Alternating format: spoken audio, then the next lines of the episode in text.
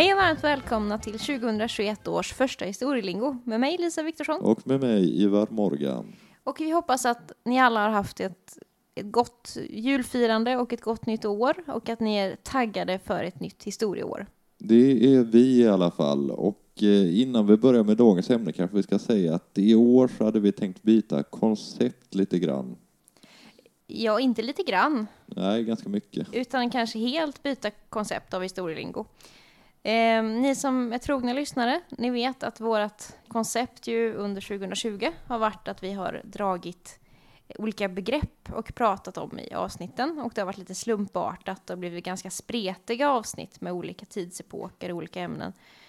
Ehm, Och vi tänkte smalna av det hela lite nu. Ja, så att inför 2021 nu så kommer det vara avsnitt som är temabaserade och eh, varje avsnitt kommer liksom bara ha ett tema och vi kommer att till skillnad ifrån det vanliga lingokonceptet vara mer förberedda och det kommer vara eh, ja, vi kommer bestämma vad vi ska prata om själva helt enkelt. Mm, precis. Men ni får givetvis eh, gärna komma med förslag och önskemål, det är väldigt välkommet. Absolut. Och då kan ni kanske mejla oss på historielingo.gmail.com eller nå oss på Instagram där vi heter historielingo. Precis. Men vi kör väl en liten vignett och sen så drar vi igång eh, dagens avsnitt. Det låter bra.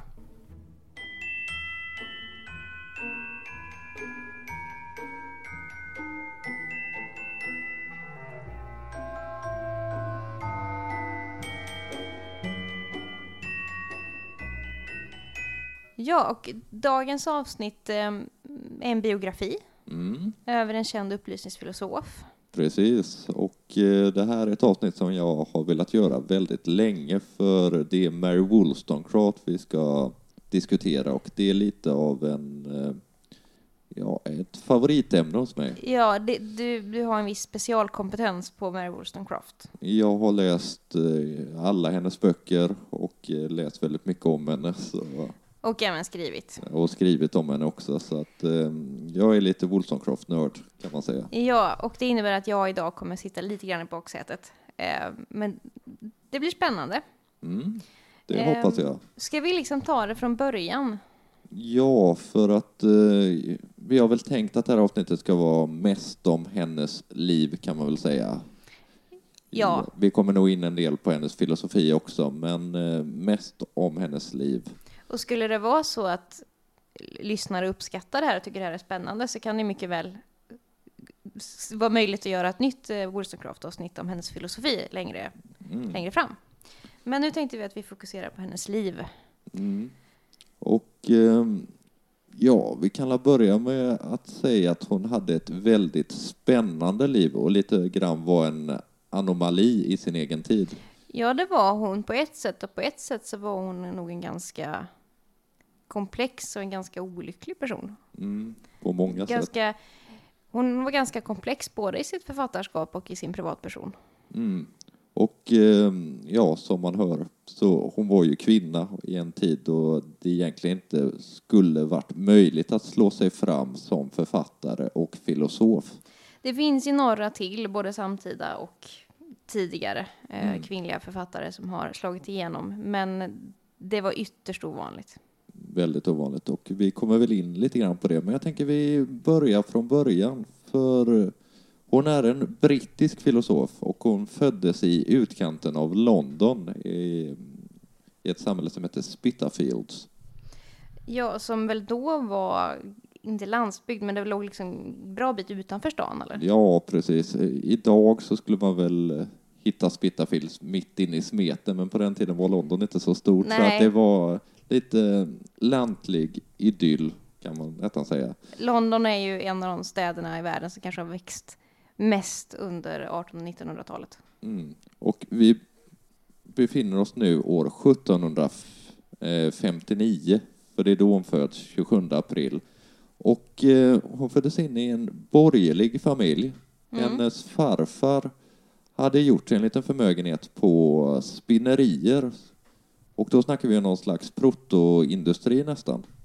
Ja, och hennes far fick ju ta över sen då den här verksamheten. Ja, med, och till och med så mycket som 10 000 pund, vilket var väldigt mycket pengar på den här tiden. Ja. Eh, för en gångs skull har vi inte räknat innan med myntkabinettet, men ni vet ju hur man gör, för det har vi pratat om så många gånger. Så att gå in på myntkabinettet och räkna om om ni vill veta hur mycket det är värt idag. Ja, och eh, den här pappan då, han hette Edward John och eh, hon hade mor också såklart och Mm. hon hette Elizabeth Dixon. Och eh, Marys förhållande till sina föräldrar var ju ganska kom- komplicerat kan man väl säga. Det får man verkligen säga eh, och det beror mycket på fadern här, Edward John. Han var kanske inte mm, liksom the father of the year direkt. Nej, han hade ju till att börja med alkoholproblem. Mm. Och eh, ja, förmodligen någon form av depression också. Han hade ganska stora ambitioner med sitt liv. Han ville eh, leva efter det här gentlemannaidealet och eh, ha egendomar helt enkelt. Ja, han ville ju liksom leva ståndsmässigt då. Ehm, liksom, och satte kanske ribban lite högt och lyckades inte riktigt med det. Nej, Och då tog han till flaskan. Och precis. tyvärr inte bara det, utan gick ju längre och misshandlade då både eh, hustru och barn.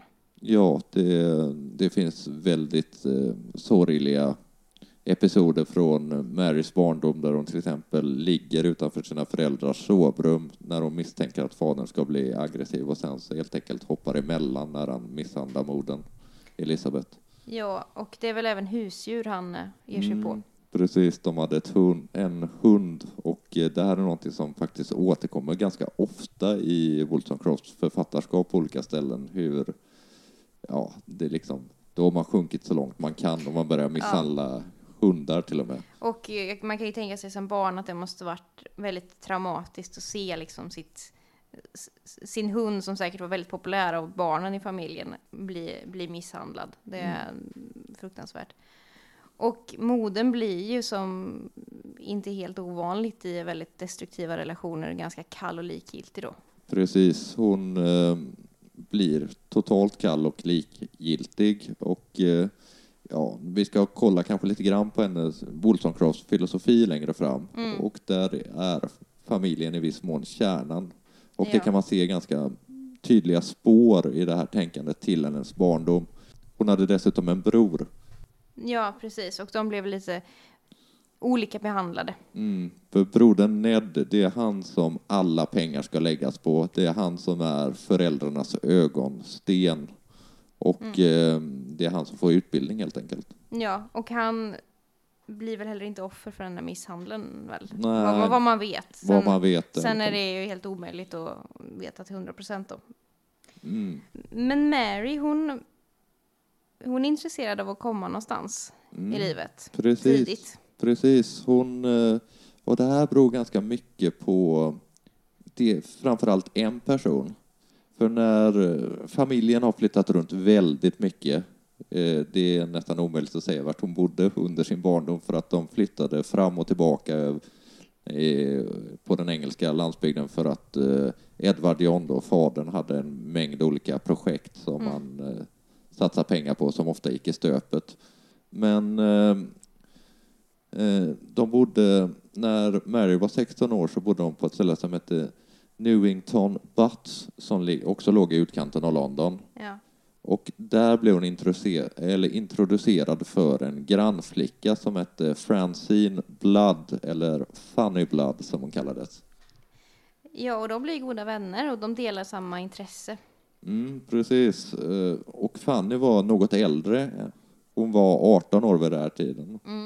Och eh, hon var duktig skribent också, för de började brevväxla med varandra. Ja. Och eh, de bodde ju grannar, så det, för idag kanske det ter sig lite konstigt att man skriver brev till varandra, men brev på 1700-talet var ungefär som sms idag kan man säga. Ja, och i eh, både liksom i borgerskapet och även i adelskretsar så var ju man, man skickade ju ofta små små brev för att eh, bjuda på kaffe och sånt där. Man, att man skulle avlägga visit. Mm. Och då var det någon stackars eh, tjänstefolk som fick springa fram och tillbaka mellan husen med, med de här lapparna på en silverbricka. Precis, och vi pratar ju nu, som du sa, både adel och borgerskap och det är Ja. ju någon slags eh, ja, nedre skiktet av borgerskap som vi hittar Wollstonecraft Ja. i. Men i den här brevväxlingen så märker hon ganska tydligt att hon inte kan uttrycka sig lika väl som Fanny kan. Nej. Och det här sporrar henne. Mm. Hon vill helt enkelt bli bättre och det här någonstans någon slags intresse för bildning på riktigt eh, slår rot i henne. Ja, för det är ju det som är Marys liksom eh, huvudintresse är ju det här med utbildning och förnuft och upplys de här upplysningsidealen. Mm. Och de eh, är ganska driftiga de här tjejerna. Ja, absolut. Eh, för de bestämmer sig faktiskt för att eh, skapa en skola tillsammans lite senare. Eh, det börjar med att Mary tar sitt första jobb eh, och det är när hon är 19 år gammal, 1778. Då åker hon till Bath, eh, den gamla kurorten eller vad Ja. man ska kalla det, och blir helt enkelt kammarjungfru, eller vad man ska säga, till en kvinna som heter Dawson. Mm. Och den här Dawson hade ett ganska skamfilat rykte när det gällde att ha kammarflickor hos sig. För eh, hon var svår att göra med, men Mary lyckas på något sätt eh, hänga kvar i eh, två år där. Så det är hennes första jobb. Mm. Sen så blir hennes mamma sjuk och hon slutar det här jobbet, far tillbaka till London. Och det är efter moderns död som hon beslutar sig för att skapa en skola då. Ja, tillsammans med Fanny. Och sina två systrar. Ja. Men det hela tar en ganska olycklig vändning. Mm, verkligen, för Fanny, ehm, hon eh, blir sjuk. Hon eh, får lungsot och eh, då ordineras hon att åka till Lissabon och i samma veva som hon gör det här så gifter hon sig också med en eh, irländare som heter Hugh Skays. Och eh, ja, hon blir havande. Ja, och dör i barnsäng. Mm. Som så många kvinnor eh, vid den här tiden. Ja, det, det var ju liksom nästan det vanligaste sättet att dö om man var kvinna. Ja. Eh, och det har ju en mängd olika förklaringar till varför. Och Det har, det har ju varit en väldigt stor dödsorsak ända i, i Sverige ända fram till modern tid, 1900-tals Mm. sjukvård. Och är ju fortfarande. Men i alla fall så åker Mary till Lissabon när hon förstår hur det är fatt med Fanny. Och ehm, ja, hon är inte där särskilt länge för eh, Fanny dör ju. Och ehm, hon kommer då tillbaka från Lissabon och eh, i deras frånvaro har skolan inte gått särskilt bra. Nej, och eh, efter Fannys död så orkar väl inte Mary ta tag Nej, i det riktigt heller. nej, så är det. Och, eh, men det är nu hon börjar slå sig in på sin litterära bana. Mm. För eh, det är den här vevan som hon skriver sin första bok som heter Thoughts on the Education of Daughters som eh, helt enkelt handlar om barnuppfostran fast för flickor då. Och det här var en ganska vanlig typ att, av bok att skriva på den här tiden. Mm. Om man var kvinna så var det ett av de få ämnen som man förväntades kunna Ja. skriva böcker om. Precis. Eh, och det fanns ju både under 1700 och 1800-talet så kom det ju mängder med sådana här uppfostringshandböcker och, och sådär. Och Precis. ofta särskilt hur man skulle då uppfostra flickor versus pojkar. Ja, det, vi kan prata lite mer om det längre fram och Mm. nämna Rousseau till exempel. Ja. Men, men det kan vi ta i ett annat segment lite längre fram, tänker Ja, jag. absolut.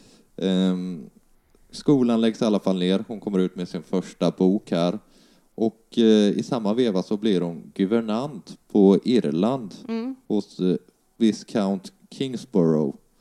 Och eh, då kan man ju fråga sig varför hon liksom åker till Irland och blir guvernant. Men hon hade ju en gedigen liksom erfarenhet i uppfostring samtidigt som hon börjar nära lite så här litterära drömmar. Och då kan det vara bra att ha ett litet startkapital och då ser hon det som ett eh, liksom alldeles ypperligt tillfälle att eh, tillkansa sig lite stålar så att hon sen kan satsa på sitt författarskap. Ja, och hon var väl ganska omtyckt i alla fall av barnen. Ja, barnen tyckte att hon var eh, fantastisk som lärare, men eh, ja, hon trivdes inte särskilt bra heller. Hon kände sig som en glorifierad tjänare när hon kom dit upp. Ja, Och eh, med föräldrarna så kom hon inte alls överens. nej. Så hon kom, återvände ju till London. Ja, vi är nu år 1787 så kommer hon till London. Och där får hon hjälp av sin eh, förläggare. För hon har haft en förläggare när hon gett ut den här första boken. Ja. Men honom känner hon vid det tillfället inte särskilt bra. Men när hon kommer till London så, så träffar hon den här förläggaren som heter Joseph Johnson. Och han kommer bli en väldigt, väldigt eh, viktig person för henne. Och han var ju inte bara förläggare av böcker, han var ju en tidningsman. eh, Precis. Också. Han hade en tidning som hette The Analytical Review. Och eh, då händer det ju för tiden ganska ovanliga att Mary faktiskt får en tjänst där. Ja, precis. Johnson hjälper hon, eh, henne först med att skaffa en lägenhet. Hon bor till exempel två till tre veckor hemma hos honom när Ja. hon kommer till London. Han hjälper henne att få en lägenhet. Och eh, på Mickelsmäss 1787 så flyttar hon in i en helt egen lägenhet på George Street i London. Och som du sa, det här blir väldigt produktiva år för henne. Mm. För hon börjar jobba på tidningen och då kan man ju fråga sig vad hon egentligen gör på tidningen. Och hon fick ju alltså som skribent Precis. och recensent. Vilket ju absolut inte var ett jobb som, som kvinnor brukade erhålla. Nej, Johnson såg någonstans hennes potential och eh, sen får vi väl säga också att Johnson tillhör en ganska, ja, om man ska använda en, ett modernt ord, liberal typ på den här tiden. Mm. Han var liksom navet för det litterära London. Ja, men med hjälp av honom så blir hon ju också, hon får ju en biljett in i det intellektuella England. Precis. Eh, genom honom. Och ett, också ett, ett ganska slutet rum som främst var förbehållet män. Som hon ju med hans hjälp får komma in i. Mm. För eh, om det är någonting man vet om 1700-talet och upplysningen så är det ju salongerna. Och kvinnor var väl egentligen ganska närvarande för salongerna för att det var främst som eh, värdar. Ja, precis. Och det är väl främst kanske ett franskt påfund också. Ja, fast det fanns ju i, eh, i hela Europa. Det fanns i Sverige också. Ja, Man hade litterära salonger. Framförallt då i Uppsala kanske. Men ja, det, det är en annan historia. Ja, och eh, i det här litterära rummet så rör sig liksom Englands intellektuella elit. Mm. Vi har eh, poeten William Blake som hon lär känna. Ja. Vi har en man som brukar kallas anarkismens fader, William Godwin. Ja, Han, har vi, han kommer vi återvända till. ja absolut. Och sen så även en känd konstnär som heter Henry Fuseli som vi också kommer återvända till. Men som du sa, främst så jobbar hon med recensioner. Hon skrev hundratals recensioner. Mm. Hon jobbar även med översättning åt eh, Johnson då. Ja. Och eh, många av de här recensionerna hon gjorde var faktiskt som reseberättelser, vilket är ganska intressant. Eller kommer bli ganska intressant lite längre fram i avsnittet. ja, vi kan väl avslöja att ett av hennes största verk är ju en reseskildring. Precis, Men det återkommer vi till det senare. återkommer vi till. Mm. Och vi har ju nämnt upplysningen här nu. Och eh, vi befinner oss åren runt 1790. Och 1789 så händer det ju en sak i Frankrike. Det gör ju det. Och eh, Mary var ju ganska intresserad av revolutionen kan man väl säga. Hon var väldigt intresserad av revolutionen och eh, stod på, rev- på revolutionens sida också. Mm. Eh, men hon, hon reser ju till eh, Frankrike. Mm. Men innan dess så händer det ju något. Det finns ju en anledning till att hon behöver resa också. Mm, Mer, än- mer än att hon lockas av revolutionen och de franska liksom, idealen. Precis. Men jag tycker vi kan upprätthålla oss lite vid revolutionen. För Mm. 1790 så släpper ju Edmund Burke en Ja. bok som heter Reflection on the Revolution in France. Mm. Och eh, den här boken får Mary i uppdrag att eh, recensera. Hon sitter på sin kammare och recenserar den och märker att hon absolut inte håller med Burke, för Burke kritiserade revolutionen ganska kraftigt. Han brukar ju kallas ibland konservatismens fader också. Ja, och Mary snarare var ju väldigt mycket för revolutionen. Hon ville ju till Frankrike och ville vara en del av revolutionen. Precis. Och eh, hon skriver då den här recensionen blir bara längre och längre. Till slut Ja. är den så lång så den inte kan eh, publiceras i en tidning. Och det blir hennes bok A Vindication on the Rights of Men, vilket är en av hennes stora böcker. Och den här får henne att, eh, att eh, tänka. För hon kritiserar Burke ganska hårt. Samtidigt som de här mänskliga rättigheterna som eh, hon ser som det vackra i revolutionen de här är ju främst liksom eh, till för männen. Ja, Och det här får henne att tänka och gör att hon publicerar en annan bok som heter Till försvar för kvinnans rättigheter 1792 och det här är precis innan hon åker till Frankrike. Men eh, du var inne på att hon åkte till Frankrike. Hur, vad kommer det sig?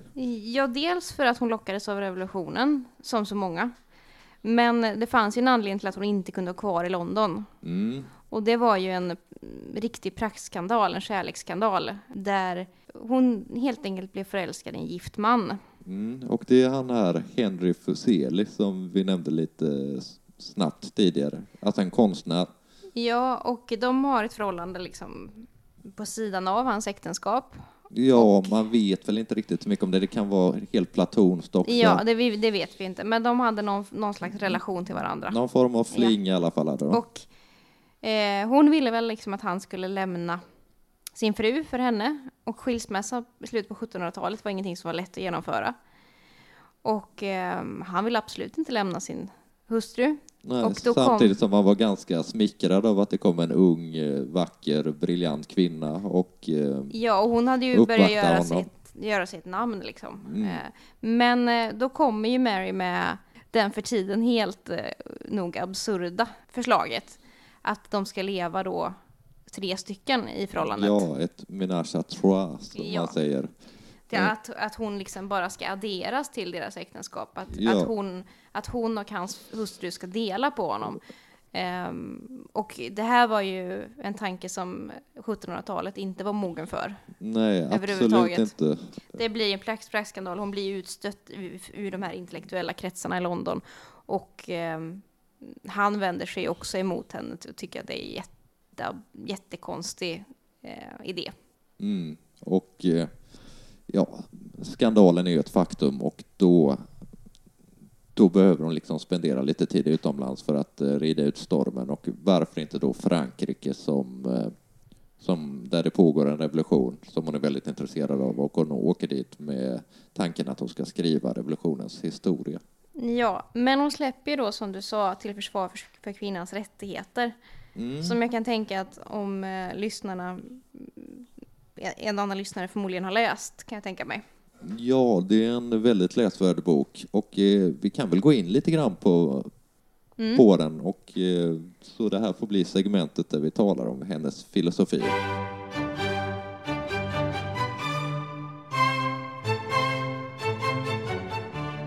För vi rör ju oss i upplysningstiden och Mm. där är det ju ett ord som verkligen liksom eh, eh, sticker ut och det är förnuft. Det är det viktiga.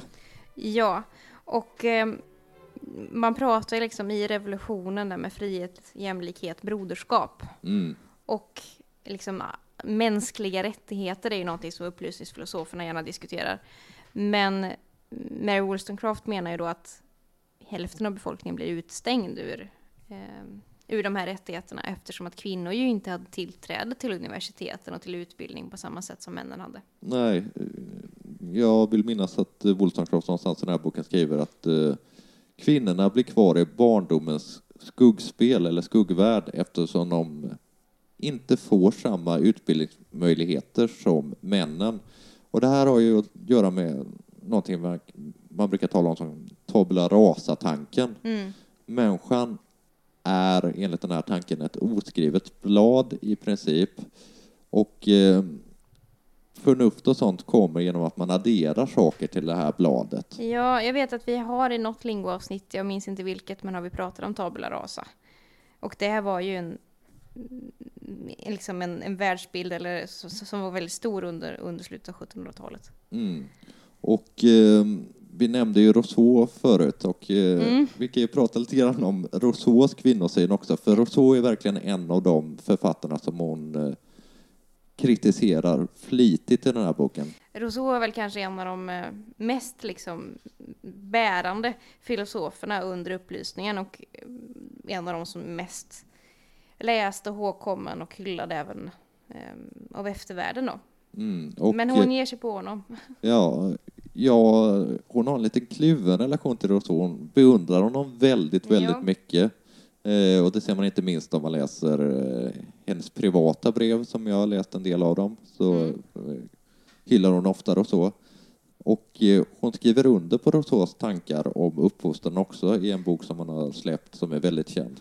Men det är väl egentligen bara till hälften som hon håller med honom, mm. kan man säga. Vi pratar om boken Emil och ja. den är flera band lång och eh, hon läser den med liksom stor glädje. Jag tycker att det här är väldigt bra ända tills hon kommer till den sista delen som handlar om kvinnlig uppfostran. Men vi kanske ska säga någonting om vad Emil handlar om och det är ju att eh, Rousseau menar att ett barn leds av förnuft och man behöver liksom inte interagera i det utan att eh, barn lär sig av sina liksom, mm, misstag och ja, så. Att, att, de, att, barn, att barnen är förnuftiga varelser så att säga. Mm.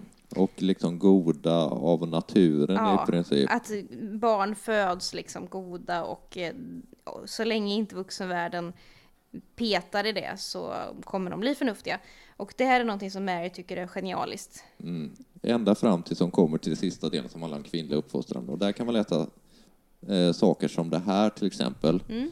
Eh, det är ett citat som eh, Rousseau har skrivit som handlar om eh, ja, kvinnor som uppfostrar unga män. Därför bör man vid kvinnors uppfostran helt och hållet ta hänsyn till männen, att behaga dessa, att vara dem nyttiga, att göra sig älskade och aktade av dem, att uppfostra dem som små, att vårda dem som stora, att råda dem, trösta dem, att förljuva deras liv. Se där vad som är kvinnors plikter under alla tider och vad man bör meddela dem från deras barndom. Ja, för Rousseau, trots att han ju är upplysningens liksom... eh, rockstjärna. rockstjärna. Ja, det kan vi säga. Så, så har han ju inte en jätte ny syn på, på flickor och kvinnor, utan han, han tycker ju att de ska uppfostras till att tjäna män och att det är det som liksom flickors uppfostran ska styras av att kvinnan, eller unga flickor ska bli kvinnor som ska tjäna och behaga männen. Och eh, Wollstonecraft ser att de här tankarna liksom har slått igenom i hela samhället. Mm. Hon menar att eh, den utbildning som man ger till eh, flickor gör dem till, med hennes egna ord, dumma våp. Ja, att, att liksom man ger dem inte en bättre utbildning än så och då blir de fördummade. Precis. Ungefär så är det väl hon, hon tänker. Och jag tänker innan vi går vidare till, med Rousseau, han har ju också en syn på kvinnan generellt, det här med att, att kvinnan är särskild mm, ifrån precis. mannen, eh, vilket är ganska viktigt i, i det här sammanhanget. Att eh, kvinnan och mannen är helt väsensskilda. Att eh, man av naturen är väldigt olika beroende på om man är kvinna eller man. Och eh, han menar att kvinnan är ganska banal och, och liksom är eh, faller till föga för krimskrams och ja. prål och sådana saker. Och, vad, är det, vad är det, han skriver det något med grannlåt, eh, skvaller och eh, pladder vill jag minnas ja, att han menar att eh, kvinnor är väldigt eh, intresserade av. Ja, och eh, det, det, finns ju också i samtiden då så, så fanns det ju också en, en syn på det här med vad som är så privat och offentligt. Precis. Och kvinnan hade ju sin plats i hemmet i den privata sfären medan mannen var den som tog platsen i det offentliga rummet då. Och eh, det här är något som Rousseau skriver under på med tanke på att han, han vill att kvinnans plats är i hemmet att, liksom, att tjäna män. Och antingen som hustrur eller som eh, tjänstefolk då. Mm, precis. Eh, Och, eh, Också mödrar för att, upp, upp, för att eh, uppfostra män och att uppfostra flickor att bli i kvinnor bra... som behagar män och så vidare. Precis. Ehm, så så det, det kan ju vara lite viktigt att flika in att det, det här är ju det är, det är gängse normen under slutet på 1700-talet. Ehm, det är att det är så här och det kom ju att bestå egentligen ända fram till 1900, ja, under eh, kvinnorörelsen under 1900-talet som det här började luckras upp Mm. ehm, mer då. Precis. Men det var, det, var, det var ett litet sidospår. För det är via bildning som Wollstonecraft anser att man kan få liksom eh, att lyfta kvinnorna ur deras okunskap, att få dem att bli självständiga, tänkande varelser. Och det här blir, ja, man skulle väl kunna sammanfatta hela hennes filosofi som ungefär en positiv spiral för hela mänsklighetens utvecklande. Jag vill minnas att det är Wollstonecraft-kännaren Elisabeth Mansén som har eh, sagt det så, men det är en ganska bra, liksom, ett bra citat för att förstå hennes tänkande. Ja, absolut. Men nu vi, det här är ju givetvis väldigt nyskapande tankar och eh, moderna. För att idag tycker inte vi att det alls är konstigt att flickor och pojkar ska uppfostras likadant. Nej. Men det var ju provocerande för samtiden. Och eh, det kan ju absolut ses som, det, som, som sagt, någonting modernt och som vi idag tycker är helt självklart, det här som hon skriver om. Men det, det finns ju en annan sida av Mary Wollstonecraft också som kanske inte är så modern med dagens Nej, eh, ögonsätt. tänker du på hennes eh, klass... Eh, eller hennes klassförakt, får vi väl nästan kalla det. Ja, man skulle väl kunna kalla det för klassförakt. Hon är ju väldigt liksom fast rotad i sin eh, liksom medelklassmiljö, Ja, hon, sin borgerlighet. ja, hon är väldigt fast förankrad i bourgeoisien. Och- För hon tycker att arbetarklassen, den är dum. Ja, och överklassen lika så. Ja, överklassen är liksom tillgjord medan arbetarklassen är korkad eftersom de inte har fått någon bildning. Ja, och anledningen då är ju som sagt att de saknar bildning och inte har samma utbildningsmöjligheter som bourgeoisien och även överklassen ju har. Och då Eh. kommer vi osökt in på föräldraskap här faktiskt. För Ja. att det här är någonting hon ser som ett stort problem i, eh, i borgarklassen, att man lämnar över uppfostran i mångt och mycket till tjänstefolket. Ja, och även i överklassen då, att, att de blir barnen fördummade för att de uppfostras av tjänstefolk som kommer från arbetarklassen. Precis. Så det, det är ju, jag vill absolut kalla Mary Wollstonecraft för eh, att ha ett, ett klassförakt. Absolut. Och eh, jag vet inte, vi, vi kan få anledning att återkomma till det tänker jag mer Mm. eh, lite senare. Absolut. Eh, men jag kan tycka det, det är viktigt att flyga in det så att hon inte bara blir den här eh, liksom, eh, Uppburna, upp- nyskapande. Ja, den här liksom mm, protofeminist, eh, feministen liksom. Eh, utan att hon, hon hade, en, hon hade en annan sida också som inte var speciellt, eller som inte är speciellt modern med dagens ögonsätt i alla fall. Precis. Ja, men det om det. Jag tänker att vi kanske ska gå vidare i vår lilla biografi nu, om du inte hade något mer att tillägga Eh. om filosofin. Nej, det har jag inte just nu.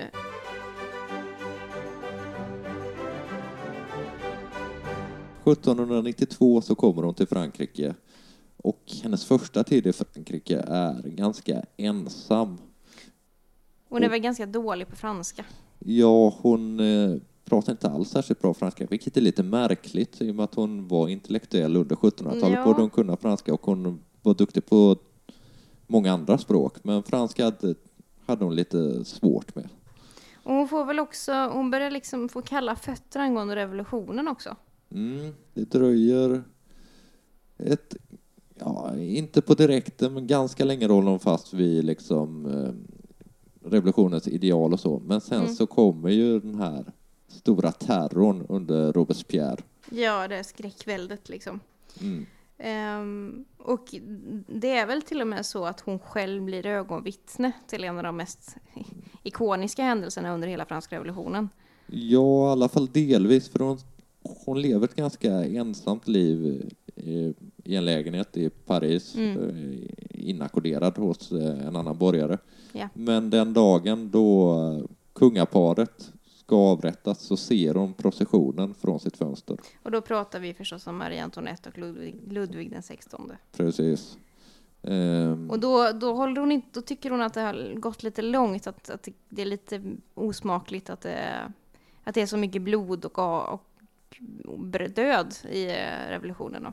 Precis, och sen så, fast med tiden så blir hon liksom lite mer hemmastad i Paris. Hon börjar umgås med folk och blir till exempel vän med upplysningsfilosofen Condorcet. Mm. Han kom senare att avrättas av eh, revolutionen så då blir hon väl ännu mer skeptisk lite senare. Men det finns andra personer hon lär känna när hon väl kommer in i det intellektuella Paris och det finns en person som är väldigt central för hennes liv. Och det är ju då affärsmannen Gilbert Imlay. Och han var från USA. Mm. Och eh, de inleder ju ett förhållande. Mm, de inleder ett förhållande. Eh, Imlay var som jag sa affärsman, men han var även författare faktiskt.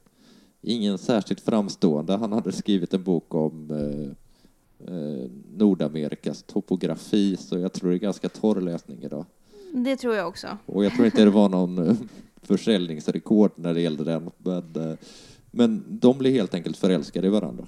Men det händer ju någonting eh, i politiken som gör att det blir lite besvärligt att vara brittisk medborgare då i Frankrike. Mm, precis. När Frankrike förklarar, förklarar krig mot England. Ja, och då blir det ju plötsligt liksom väldigt farligt att vara brittisk medborgare i Ja. huvudstaden. Det här löser man på två sätt. Mm. Dels så flyttar man Mm, till Le Havre. precis. Och dels så har man skrivit in sig på ambassaden också som gifta. Fast något bröllop har ju inte ägt rum. Nej, de, de, Imlay och Wollstonecraft var aldrig gifta. De, Nej. de kommer aldrig att bli gifta heller, men man skriver in sig som gifta för att då blir hon helt enkelt skyddad av amerikanska regeringen. Ja, smart. Men det var som sagt ett falskt äktenskap då.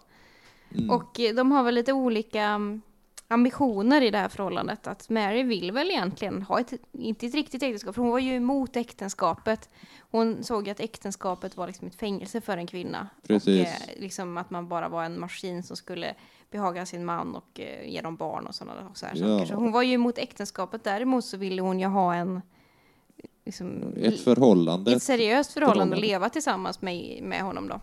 Ja. På tal om äktenskapet och hennes syn på äktenskapet kan jag ju tipsa om hennes två um, skönlitterära verk. Dels uh, Mary a Fiction och en annan som heter Maria som handlar mycket om just äktenskap. Så det är ganska bra inkörsport om man vill se hennes syn på äktenskap. Och det är väl kanske också lite präglat från sin egen barndom där hennes föräldrar hade ett eh, väldigt destruktivt äktenskap. Mm, precis. Och hennes mor ju var... eh, Ja, sk- skilsmässa var inte riktigt ett alternativ på den här Nej. tiden. Då. Och vi nämnde ju det förut med, med hennes barndom och så. Och familjen blir ju liksom navet, hennes filosofi också. Det är utifrån utbildning i fa- familjen som eh, och välfungerande familjer Mm. som en ny upplyst liksom, mänsklighet kan skapas. Ja, någonting då som hon själv saknade som barn. Precis. Men det här förhållandet, det, även om de inte är gifta så um, resulterar det i dottern. En Mm. dotter. Precis. Och dottern blir då döpt efter barndomsvännen. Fanny. Precis. Och ja, de hade det ganska bra ett tag i alla fall i Le Havre under graviditeten och så. Så, så tycks Imlay ha ja, funnit sig i det hela. Mm. Och även eh, Wollstonecraft då. Men han, ja, vad ska vi kalla honom? Han var lite av en Casanova kan man väl kanske säga. Och han var ofta borta också. Ja, och han till sist så träffar han ju en ny kvinna.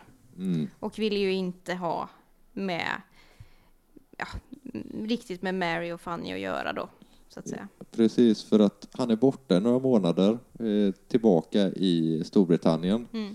Mary går runt och väntar i huset i Le Havre och till slut så beslutas att hon ska till London. Men där börjar hon höra skvallret att eh, Imlay har blivit tillsammans med en eh, väldigt ung rysk balettdansös. Och eh, det här Det, det blir ju väldigt tragiskt där. Ja, hon tar det ju så hårt så att hon till och med gör ett, begår ett självmordsförsök.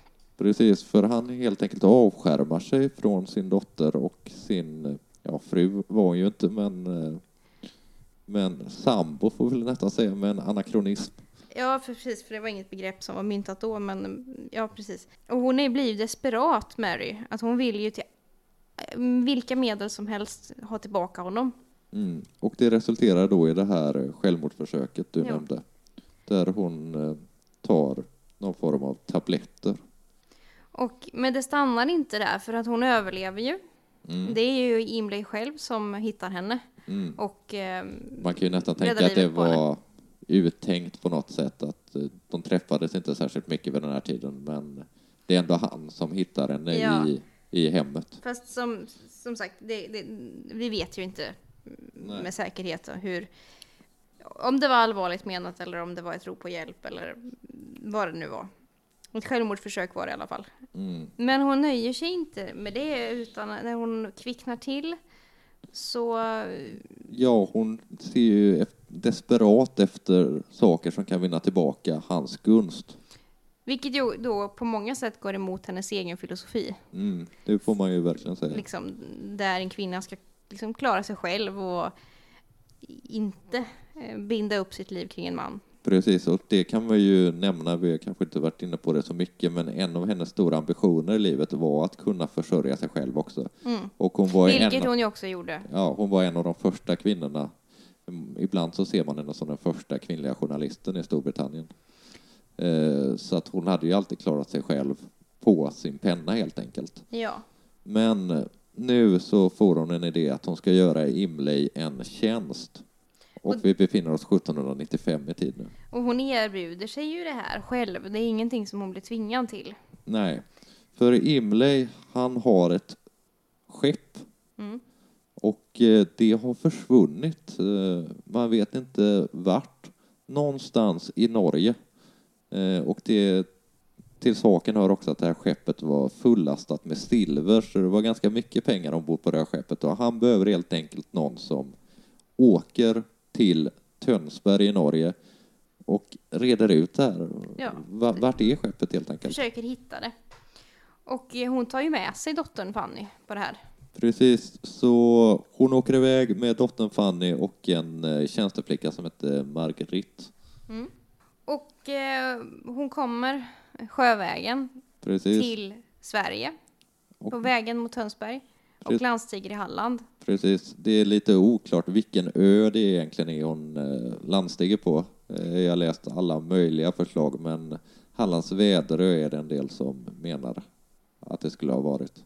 Ja, och det är väl inte helt orimligt Nej. heller. Det är ju en av de största öarna på Hallandskusten så det är väl Och vi kanske ska troligt.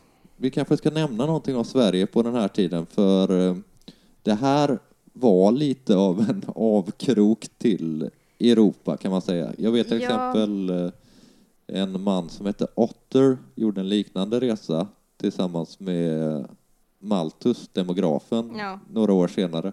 Och eh, det är en sån här så kallad Grand Tour de gör, det vill säga en bildningsresa. Och de motiverar valet om att åka till Sverige. Så skriver Ot- Otter till Malthus att det är ett land som är seldom seen by literary men. Ja, det är ju så att det här med Grand Tour är ju någonting som liksom bättre bemedlade i hela Europa håller på med.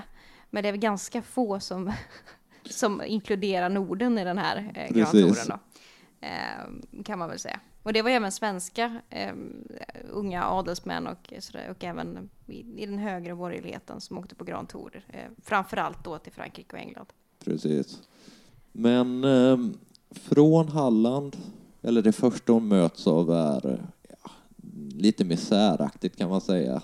Vi, vi kan ju också göra en jämförelse som du sa att Sverige var en avkrok och Västsverige var definitivt en avkrok. Det får man verkligen säga. Eh, alltså Hallandskusten går ju inte att jämföra med liksom Paris eller London vid samma tid. Nej. Eh, Och det här, hon blir ju lite förskräckt av detta. Ja, hon menar att den första hon ser är liksom eh, lotsen som kommer ut och så kommer de till eh, lotsens stuga och de är knappast mänskliga att skåda, skriver hon om där. Och hon menar att de bor i små hyddor och ja, väldigt smutsiga och ja. Precis. Och det var ett dåligt intryck av Sverige. Ja, och sen så kommer de vidare till eh, Göteborg. Och i Göteborg så blir inte intrycket bättre kan man säga, för det är här hon eh, liksom stöter på den eh, svenska borgerligheten och den menar hon inte är särskilt eh, belevad. Det- ska vi säga om Göteborg, för Göteborg är ju en handelsstad för den, vid slutet på 1700-talet. Mm. Och Göteborg har inte jättemycket adel egentligen om man jämför med Stockholm eller Uppsala eller sådär. Så att Så det är att- liksom borgarna som är de Ja, högsta hönsen Det är bo- borgarna som styr och ställer i Göteborg. Och hon blir ju inbjuden till diverse borgarfamiljer. Mm, Det var ju en ganska vanlig praktik på den här tiden att när det kom eh, folk från samma samhällsklass Mm. eh, från utlandet så bjöd man in dem liksom. Det, det var nästan kutym. Så att hon eh, härbergar hos eh, borgarklassen i Göteborg. Och hon är inte imponerad av den. Hon tycker att svenskarna är ociviliserade. Mm. Eh, de äter och dricker för mycket. Ja, till exempel några djupare intressen som teater och litteratur verkar vara helt bort, eh, bortstötta av det här med mat och dryck som hon menar att svenskarna ser som det centrala. Och det, att de ser det så centrala är ju för att det inte, att det inte finns något riktigt kulturliv Mm. på det sättet som hon är van vid från Europa. Ja, Eh, London sen- och Paris, sen två ska vi väl- metropoler liksom. Sen ska vi väl lägga en brasklapp att det finns ju liksom de här liksom litterära eh, sammanhangen i Sverige, eller liksom de intellektuella sammanhangen finns ju i Sverige också. Men Mm. de är ju väldigt centrerade till Stockholmstrakten och Uppsala och Lund framför Ja, allt. Precis. Eh, Men det fanns ju i Göteborg också. Det fanns i Göteborg också, men, men inte på samma sätt som hon är van vid då. Nej. Och eh, som du sa, mat och dryck är väldigt centralt för svenskarna och eh, en sak som hon reagerar på är att maten är ganska äcklig enligt henne. Ja, eh, råvarorna är väl helt okej, men man har ju inte vett att hantera råvarorna. Nej, hon skriver att maten är en eller maträtten hon blir serverad är en blek kopia av det franska köket. Det är liksom franska rätter, men de har hällt någonting på det. Det är felkryddat och man har framförallt tillsatt väldigt mycket socker. Ja, extremt mycket socker. Och socker var ju en stor statussymbol. Mm. Och när det kommer en liksom uppburen författare från England eh, på besök så kanske man hällde på ytterligare lite socker för att visa att man hade. För socker var väldigt dyrt och det var någonting som bara verkligen toppskiktet av samhället hade råd med. Och sen så vet jag inte hur känd hon egentligen var i Sverige på den här tiden. Nej, hon var nog inte känd i Sverige, men man var liksom medveten Medveten om, om att att- hon var känd nere Mm. på kontinenten. Och faktum att hon, att hon kommer från kontinenten var nog... Eh, Mm. Bara det var någonting som Precis. gjorde att det var värt att här, imponera kom, på här henne. kommer en bildad britt liksom. Ja, precis. Och då ska hon se att vi minsann även i Göteborg har, har socker. Precis. Och man, i, i, man använder ju socker, man hade inte lärt sig under 1700-talet riktigt hur man skulle använda socker. Eh, så man använde det ju inte bara i efterrätter, utan det här var någonting som man hade i, liksom, i varmrätterna. Man hade kopiöst mycket socker. Man hade liksom eh, maräng och kött tillsammans och sådana saker. Mm. Och det här var ju liksom, som du sa, en enorm statussymbol också för att socker hade i och för sig börjat odlas vid den här tiden väldigt småskaligt i Skåne. Mm. Men eh, den större delen av allt socker som kom till Sverige kom ju från Haiti. Som i sin tur var en slavkoloni, eller en fransk koloni med slavar. Ja, Så i början av 1700-talet så, så krävdes det 2000 slavars arbete för att förse kanske en eller två procent av Sveriges befolkning med socker. I slutet av 1700-talet så har det här fördubblats. ja så att socker var väldigt dyrt. Som så många importvaror så var det bara förunnat toppskiktet. Men sen som du säger, man hade ju börjat att eh, odla eh, sockerbetor i Skåne. Och det är någonting man fortsätter med sen, så att sen längre fram historiskt så, så är ju den övervägande delen av den svenska sockerkonsumtionen blev ju i- inhemsk istället, att man Precis. svenskt socker. Och sen Och- så får vi ju saker som sockerbruket, till exempel under 1800-talet i i Göteborg. Ja, precis. Så att det är ju, eh, det förändras. Men under 1700-talet så är det en extrem statussymbol. En annan sån där statussymbol är kaffe. Ja, Eh, vi har, kaffe har vi pratat om i Mm. historielingo förut i avsnitt nummer sju. Just det. Eh, så pratar vi om, eh, om kaffe och kanske framförallt brist på kaffe. Mm. Eh, när vi pratar om att kaffe var ju förbjudet i, i, olika perio- Det- i olika perioder i historien har kaffe varit förbjudet. Bland annat då under det sena 1700-talet.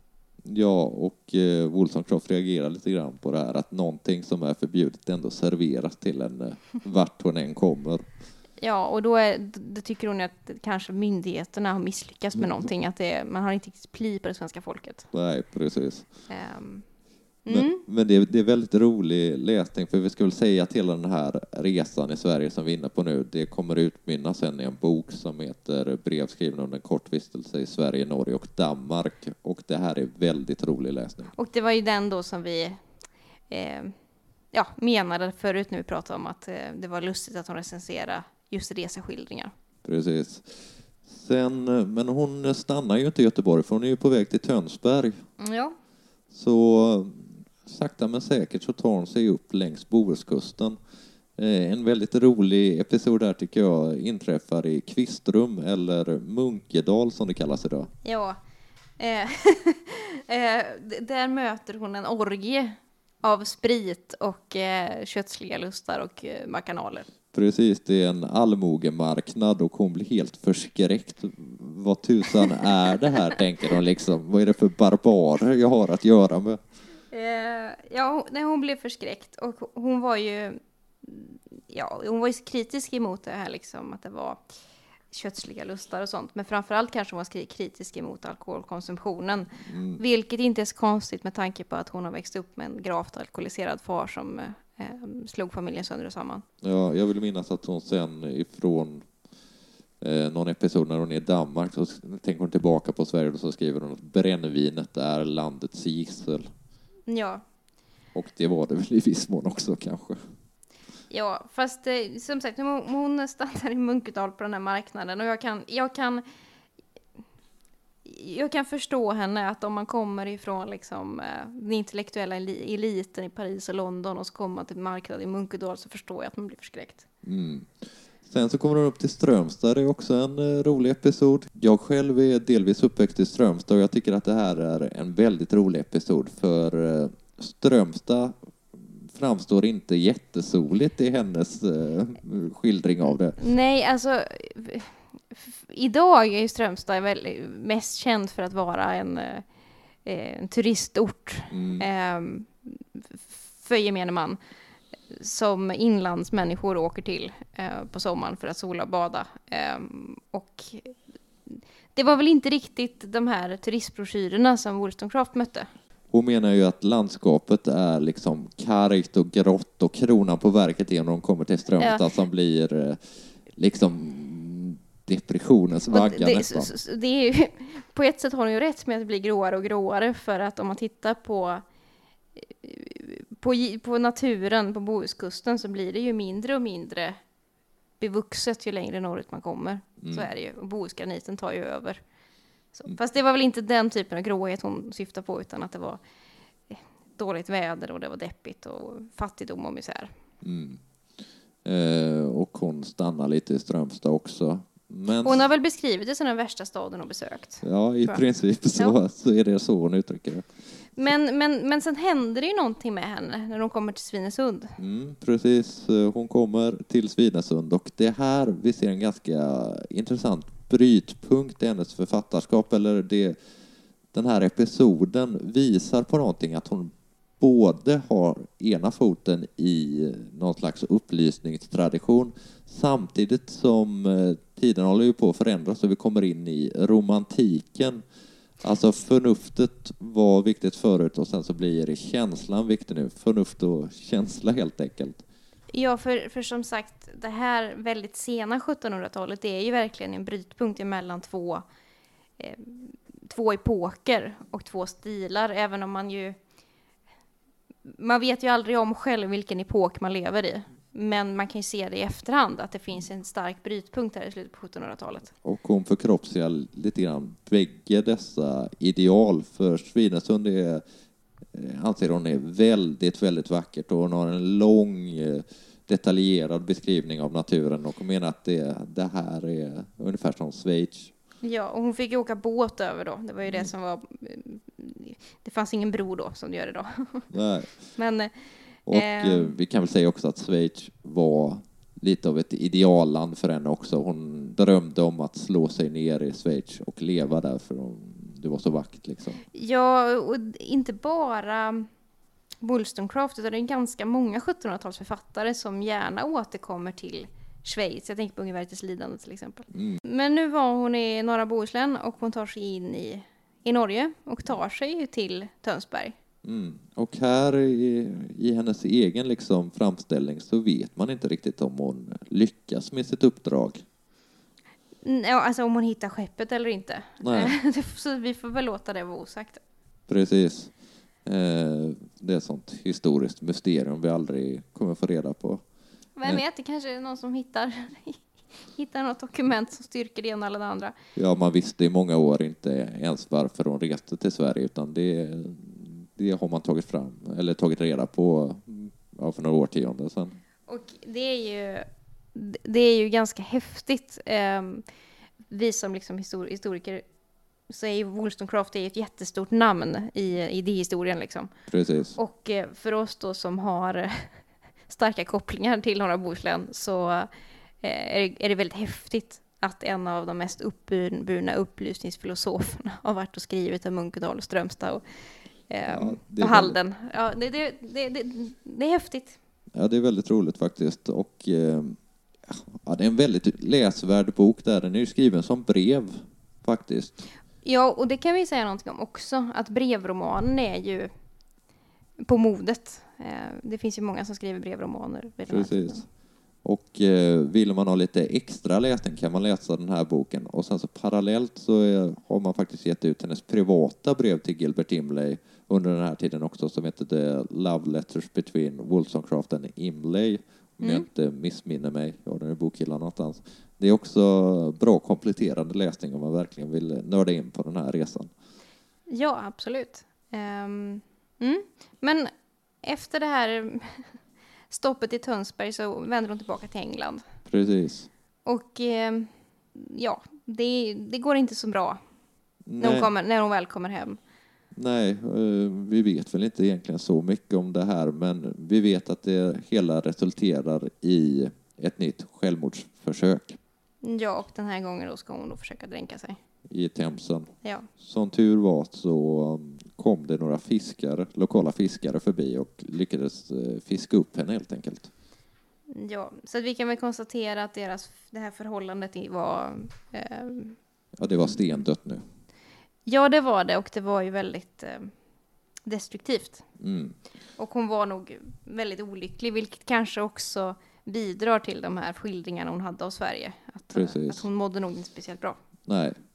Eh, samtidigt som eh, hon liksom hämtar kraft i naturen. Det är ju midsommartid så hon är väldigt fascinerad över att solen är uppe så länge och så vidare. Så att eh, det är det här romantiska igen vi var inne på. Mm. Ja, hon pendlar ju lite grann mellan, mellan upplysning och romantik kan man säga. Ja, och eh, men som vi har sagt, det här resulterar ju i en bok. 1796 så släpper hon sin reseskildring, brev skriven en kort vistelse i Sverige, Norge och Danmark. Och eh, det här är väl början på slutet kan man väl säga. Ja, För eh, en man som läser den här boken är William Godwin, som vi varit inne på. Han kallas ju ibland anarkismens fader, även om det, jag tycker det är lite missvisande. Jag skulle nog säga att Peter Kropotkin eller någon egentligen är anarkismens fader, att eh, det helt enkelt är en anakronism, men det kan vi återvända till, den diskussionen. ja. I alla fall, Godwin, han eh, hade träffat Wollstonecraft tidigare ja, det var vi väl inne på också tidigare i, podden. Mm, lite grann, men eh, det var inte särskilt, eh, särskilt lyckat. Jag kan läsa ett utdrag här när han beskriver några av deras första möten Mm. och där är runt år 1790, så Ja. långt tidigare. Eh, Vi diskuterade några religiösa frågor där hennes åsikter mycket mer närmade sig det traditionella än mina. Under konversationens gång blev jag missnöjd med min egen andel av den. Vi talade om alla ämnen utan att behandla något av dem på ett övertygande och konsekvent sätt. Samtidigt gjorde jag, när jag berättade om samtalet i ett sällskap där jag brukar äta middag, henne den rättvisan, även om jag inte sparade på min kritik. Eh, att jag berömde henne som en person som tänkt aktivt och oberoende. Däremot fann jag inte att hon gjort mig någon rättvisa. Eh, vi träffades två eller tre gånger det följande året, men vårt förhållande blev inte mycket hjärtligare. Så att de hade bråkat lite grann om religiösa frågor och även filosofiska. Men nu så har det ju förändrats då. Precis. Han läser ju den här reseskildringen och eh, blir väl ganska förälskad i henne. Precis, han eh, skriver så här om det. Om det någonsin fanns en bok som var ägnad att göra en man förälskad i dess författare tycks mig detta vara den boken. Så att, eh, ja, de börjar helt enkelt uppvakta varandra Ja. och blir ett par. Och det här tycks ha varit ett, eller utvecklat ett ganska modernt sätt att se på, på ett förhållande. De gav varandra ganska mycket space. Eh, De bodde inte tillsammans alltid heller utan lät, bodde i två olika lägenheter så de kunde jobba med, med sina diverse projekt och så. Ja, och eh, hon fortsatte att kunna försörja sig själv. Precis. Trots att hon, de, de gifte sig ju. Eh, Ja, de gifter sig när, när hon blir gravid med, med Godwin helt enkelt. ja. Och det här, bägge två var ju emot äktenskapet egentligen.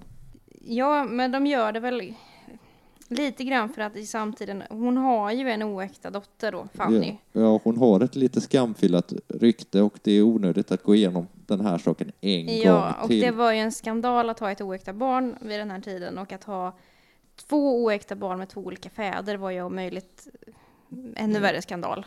Ja. Så det var väl, och sen även för barnets skull att växa upp med oäkta, alltså att vara oäkta var ju ett problem. Mm. Så, Ja, så. så. Godwin han eh, adopterar Fanny Mm. och eh, hon är helt enkelt havande och där brukar ibland eh, i biografier och så har jag läst eh, framställas som den lyckligaste tiden i hennes liv, de här nio månaderna när hon väntar sitt nästa barn. Det här får ju en ganska tragisk eh, vändning. Det Ja, hela. eller en väldigt tragisk en vändning väldigt kanske tragisk vändning. Ja. För eh, det blir komplikationer Mm. Vid födseln av eh, den nya dottern då. Ja. Ehm, Det först, I början verkar det gå ganska bra det hela. Godwin sitter i någon slags rökrum utanför och väntar och kommer in när dottern är född och allt är frid och fröjd. Men ganska snart så börjar man inse att det är någonting som inte stämmer med Mary. Hon blir allt sämre och sämre och efter några dagar så avlider hon. I blodförgiftning. Och Mm. det var ju ofta en stor orsak. Vi var ju varit inne tidigare på att dö i barnsäng. Mm. Och just blodförgiftning var ju eh, en väldigt vanlig orsak till det. Ja, en del av moderkakan har helt enkelt blivit kvar inne i Ja. kroppen och eh, Och det, Förgiftad. det, det, händer det så, så dör man om man inte opererar, opererar som man gör idag då. mm, Ehm, men det blir ju en dotter av det här som också döps till Mary Mm. Wollstonecraft.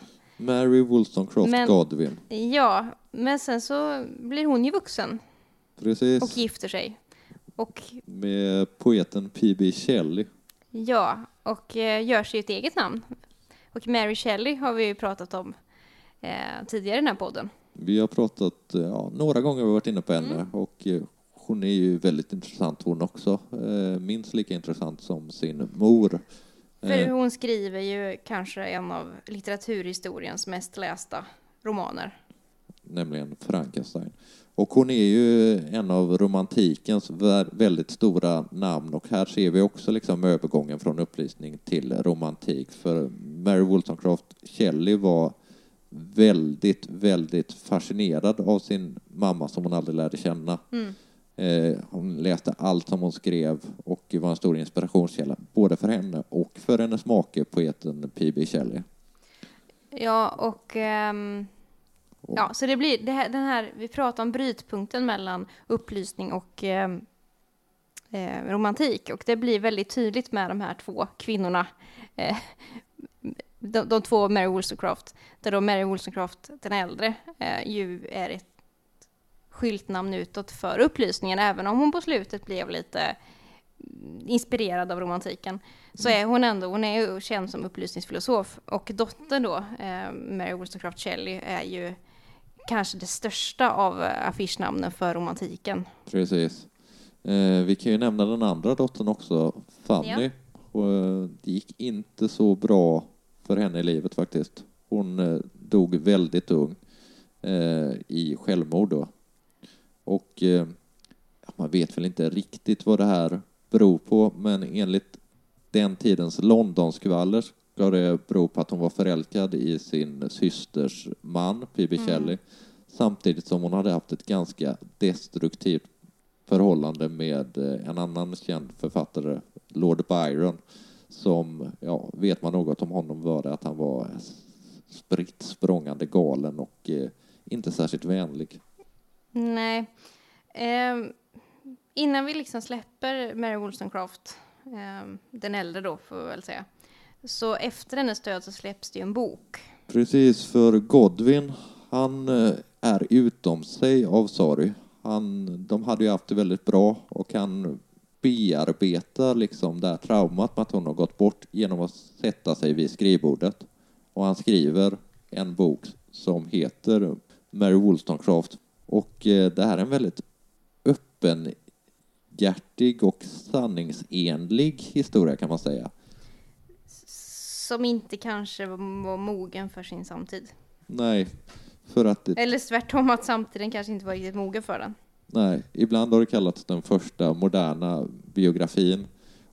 Den, den liksom tar upp de här sakerna som vi har pratat om. Tar upp att hon hade en oäkta dotter. Den tar upp den här grejen med Fuseli som också var en... Ja. eh, Och det är så, här, om man jämför idag, alltså biografier som skrivs idag över nu levande personer, självbiografier och så, så vill man ju ha ju, ju mer snaskigt desto bättre.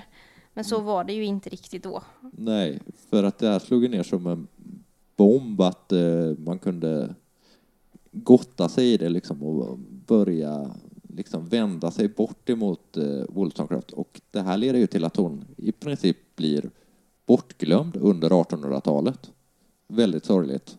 Ja, för att den här, det, ja, hon blev väldigt smutskastad efter den här biografin släpptes. Precis. Och det tar då bra lång tid innan man kommer över det här och börjar liksom återupptäcka Mary Wollstonecraft. ja, cirka 100 år ungefär. Det är i samband med suffragettrörelsen och sånt som man börjar plocka fram Wollstonecraft igen.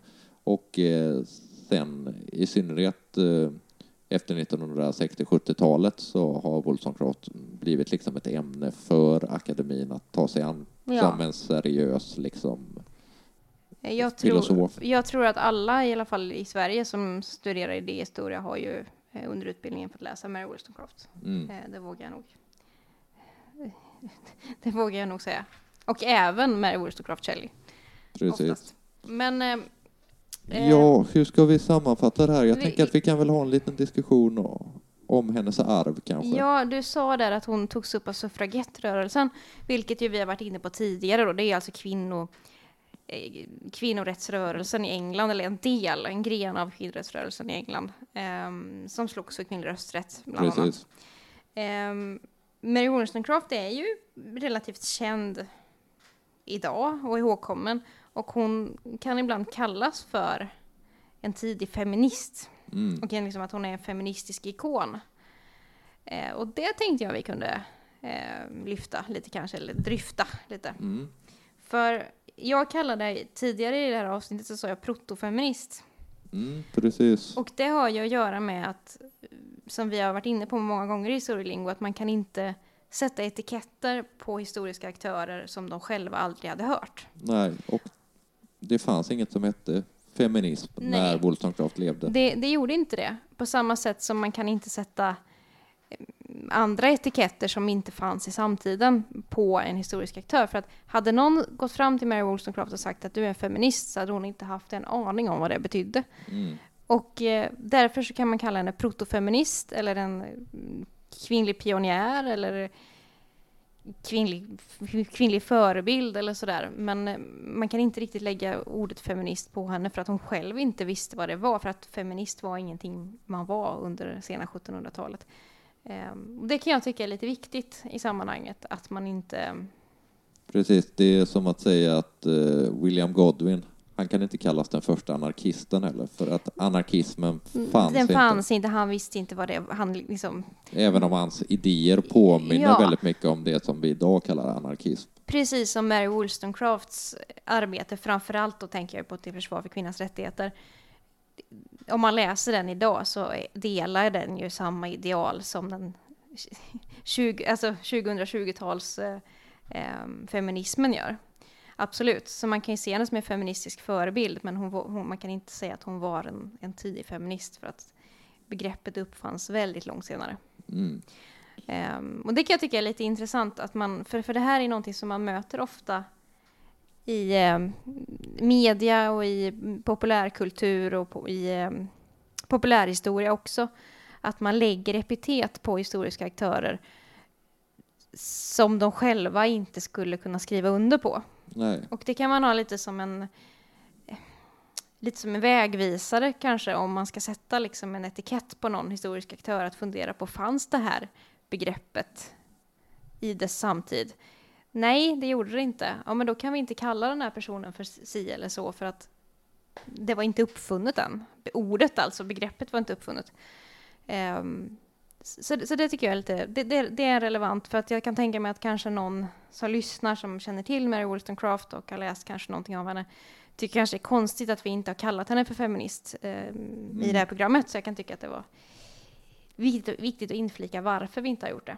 ja men det var en bra reflektion och eh, det är väl dags att avsluta här. Nu har vi gått igenom en eh, väldigt intressant persons liv.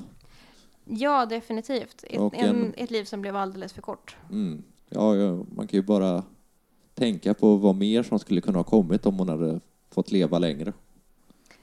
Ja, eh, men hon var, om jag ska återgå till liksom kvinnlig historia, så, så var hon var ju en pionjär på många sätt för att hon kallades ju av en del för Storbritanniens första kvinnliga journalist. Mm. Och eh, hon försörjde sig på sin penna, hon stod för sina ideal och hon var ju Hon var inte rädd för att bråka med intellektuella Nej. auktoriteter heller, som Nej, Rousseau. hon, eh, hon, hon var inte rädd för etablissemanget. Ehm, så. så en väldigt imponerande person, skulle Mm. jag säga. Och eh, mycket spännande på alla sätt. Och sen så får vi väl se vad vi pratar om nästa vecka. Jag Ja. hoppas att ni tyckte att det här var kul att lyssna på.